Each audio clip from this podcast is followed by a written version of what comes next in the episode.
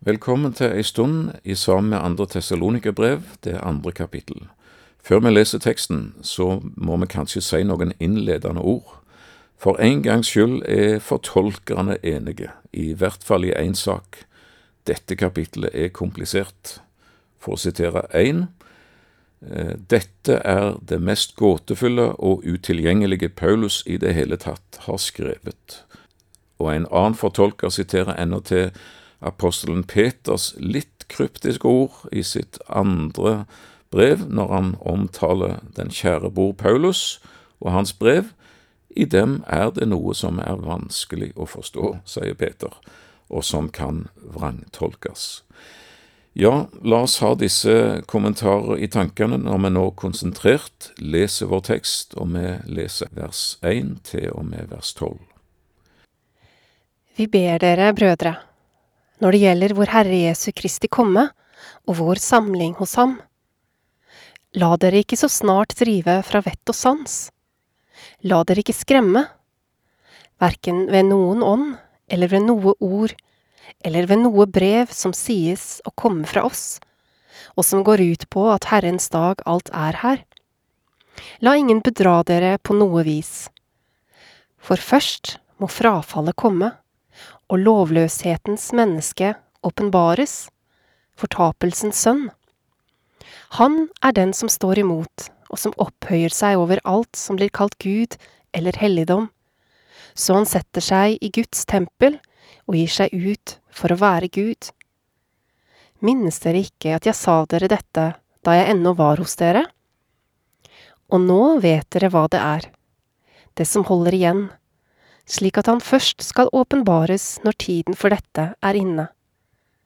For lovløshetens hemmelighet er alt virksom, bare at den som nå holder igjen, må bli tatt bort. Da skal den lovløse åpenbares, han som Herren Jesus skal ødelegge med sin munns ånde, og tilintetgjøre når hans gjenkomst åpenbares i herlighet. Den lovløse kommer etter Satans virksomhet, med all løgnens makt og tegn og under. Det skjer med all urettferdighetens forførelse blant dem som går fortapt, fordi de ikke tok imot kjærlighet til sannheten, så de kunne bli frelst. Derfor sender Gud dem kraftig villfarelse, så de tror løgnen, for at de skal bli dømt, alle de som ikke har trodd sannheten men hadde sitt behag i urettferdigheten. Det er tydelig at tessalonikerne var blitt eh, alvorlig oppskaka, og skrekken var altså at Herrens dag, alt er her. Nå, eh, i dette øyeblikk, altså. Paulus eh, i vers to skriver om eh, forskjellige budskap som ble påstått å være enten autorisert av eller som kom direkte fra Paulus sjøl, og som altså gikk ut på at nå er Herrens dag. De samme tessalonikerne som levde i en sterk forventning av Jesu gjenkomst, og som Paulus like før hadde skrevet til at eh, de skulle trøste hverandre med disse ord, at Jesus kommer. Nå var de blitt vetterskremt. Hvorfor? I vers 1 her snakker Paulus om vår Herre Jesu Kristi komme og vår samling hos ham. I vers 2 snakker Paulus om Herrens dag, og spørsmålet er, er dette den ene og samme begivenhet, eller er det her snakk om to forskjellige dager, to ulike begivenheter? Dette andre Tessalonikerbrev er skrevet like etter og tar opp tråden fra det første brev til tessalonikerne. I første Tessalonikerbrev kapittel fire, der taler Paulus om nettopp vår Herre Jesu Kristi komme og vår samling hos ham. Han beskriver det som en stor gledens dag og trøster de med at denne dagen kommer. Men i neste kapittel, første Tessalonikerbrev kapittel fem, der går Paulus over til å tale om Herrens dag som kommer som en tyv om natten. Han presiserer flere ganger i det kapittelet dette gjelder de ufrelste, og ikke de som er frelst, og at Herrens dag som kommer som en brå undergang over dem. Vers 3. Dette harmonerer òg jo med det Det gamle testamentet sier, som gang på gang omtaler Herrens dag som en dag med Herrens dom, vrede, straff. Det ser ut til at det skilles mellom Jesu gledelige komme for å hente sine, og Herrens dag, som er domsdagen over de ufrelste. Spørsmålet blir da, hadde tessalonikerne blitt vettskremt av ånd, kanskje såkalte profetiske budskap, i så sier Herren-form, som sa at nå er Herrens dag her. Og så var det ord, undervisning, forkynnelse eller rykter som refererte til Paulus, og som bekrefter dette. Nå er Herrens dag. Og til, på toppen av det, så kom det brev som var adressert til menigheten i far Paulus, og som sa at nå er Herrens dag her. Vers 3. Ja, i så fall var det ikke underlig om den store skrekk hadde rammet menigheten. De visste at Herrens dag var vredens dag, domsdagen. Hadde Paulus fått en ny åpenbaring, at Jesu komme for sine var kansellert, eller enda verre, var Jesus kommet, og så er vi latt tilbake? Har vi levd i sjølbedrag, vi her i Tessalonika? Var vi ikke frelst likevel? Og nå kommer Guds rettferdige dom over oss. Var det sånn tessalonikerne tenkte? Det kan se sånn ut. Og Paulus omtaler i andre Timotius brev kapittel 2 vers 18 en retning de sier at oppstandelsen alt har funnet sted, og de nedbryter troen hos noen. Det er mulig tessalonikerne hadde gått på limpinnen på en sånn lære, for de trodde den kom ifra Paulus sjøl. Paulus svarer her i vers to, La dere ikke så snart drive fra vett og sans, la dere ikke skremme, verken ved noen ånd, eller ved noe ord, eller ved noe brev som sies å komme fra oss, og som går ut på at Herrens dag alt er her. For det er den ikke. Før Herrens dag er det mye som må skje, og intet av dette har skjedd ennå. Så slapp av, kjære tessalonikere. Jesu komme for å hente sine er så visst ikke kansellert, og dere er ikke latt tilbake til vrede. Så jeg vil anta at de pusta letta ut i Tessalonika. De var nyomvendte, med begrensa kunnskap, med store geografiske avstander langt imellom de troende og lite av åpenbaring, små muligheter for korrigering. De var veldig sårbare for villfarelse, og de hadde ingen heil bibel som du og jeg har. I vers tre sier Paulus, la ingen bedra dere på noe vis. For først, altså før Herrens dag kommer, først må frafallet, eller opprøret som det òg betyr, komme, og lovløshetens menneske åpenbares, fortapelsens sønn. Hvem er han? Jo, vers 9, han er den som står imot og som opphøyer seg over alt som blir kalt Gud eller helligdom, så han setter seg i Guds tempel og gir seg ut for å være Gud. Intet mindre enn det. Han kalles den lovløse her i vår tekst. I Johannes eh, kalles han antikrist, altså både mot Kristus eller i stedet for Kristus, som det betyr.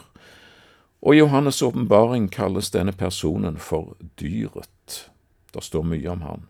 Og når han en dag i endens tid skal stå fram, så skjer det etter Satans virksomhet med all løgnens makt og tegn og under med all urettferdighetens forførelse.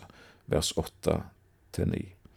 Åpenbaringen 13 og vers 2 sier at uh, djevelen vil gi ham sin kraft og sin trone og stor makt.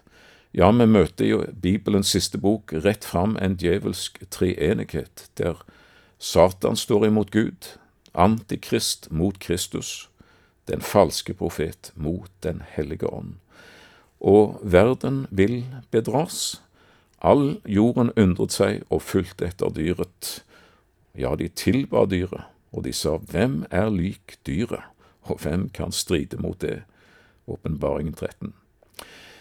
Dette syndens menneske må stå fram før Herrens dag. Paulus er en smule skarp i tonen når han spør tesalonikerne, vers 5.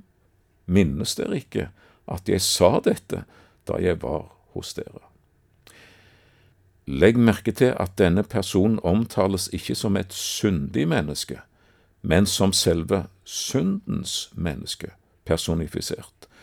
Og mens Bibelen sier at ufrelste går til fortapelsen, så omtales denne som en som nærmest er født fra eller kommer fra fortapelsen. Han er fortapelsens sønn. Han er den lovløse. Vi merker oss disse sterke formuleringer. Men før han står fram, må noe skje. Han må få tillatelse til å stå fram. Og dette er et gåtefullt avsnitt. I vers seks står et uttrykk i intetkjønn, det som holder igjen, altså som hindrer Antikristi å stå fram. I vers sju så står det ikke om det, men om den i hannkjønn, den som holder igjen. Altså det og den holder igjen og hindrer Antikrist framtreden. Det må bort før Antikrist stiger fram på scenen. Men hva er det, og hvem er den? Tessalonikerne visste svaret på den gåta direkte, og vi gjør det rett og slett ikke. Vi kan gjøre våre antakelser og våre teorier, men eh, vi kan ikke si det som ble sagt til tessalonikerne. Dere vet hva det er. Vi kan anta, men Gud har valgt å legge ei hånd over dette og skjule det for oss, på samme vis som han har lagt si hånd over dag og time og en del annet som har med endetida å gjøre. Hvorfor? Det skal ikke være et regnestykke for oss, ikke et puslespill. Poenget er våk hver tid og stund, at ikke vi lar oss bedra, men vær da også dere rede, for menneskesønnen kommer i den time dere ikke tenker. Så vår uvisshet skal bidra til å holde oss våkne. Så er det et enormt alvor over det som står i vers 11, at uh, derfor sender Gud dem kraftig villfarelse, fordi de valgte løgnen og uretten framfor sannheten, så sender til og med Gud villfarelse. Så er det mange spørsmål, og de lærde strides. Må frafallet komme og lovløshetens menneske åpenbares kun før Herrens dag, denne sammenhengen det her står om, domsdagen, eller må alt dette òg finne sted før Jesu komme og vår samling hos ham, gledesdagen? Noen mener Jesus kommer for å hente sine før den store trengselstid under Antikrist. Andre hevder nei, han kommer midt inne i trengselstiden, og atter andre hevder hardnakka at Jesus vil komme etter trengselstida under Antikrist er avslutta, etter den store trengsel. Det er et spørsmål eh, vi ikke kan ta opp her, for tid eh, si skyld. Men tillat meg å sitere Paul Odé, eller rettere han sagt hans far, som svarte Pål da Paul eh, i sin ungdom spurte om dette. Da sa far, lev som om Jesus kommer før den store trengsel. Lev som om han kommer midt i trengselstider. Lev som om han kommer etter den store trengselstid. Ja, det er saken, å leve rett og vente Jesus hver tid og hver stund, i dette øyeblikk, og samtidig uten å svekke forventningen og si, om du dryger Jesus, om trengsel òg venter, så gi nåde til å leve med deg, til siste åndedrag, til siste hjerteslag. For Herren har regi og oversikt, og eh, Antikrist får uh, ikke stige inn på arenaen før Herren tillater, og han får bare ei bestemt, avgrensa tid, og innen denne tid så holder òg Herren uh, si hånd over sitt folk og setter grenser, og så griper Herren inn, og et pust fra Herren Jesus er nok til å ødelegge, til å tilintetgjøre den lovløse vers åtte. Bare et pust ifra Herren, fordi Jesus er Herre.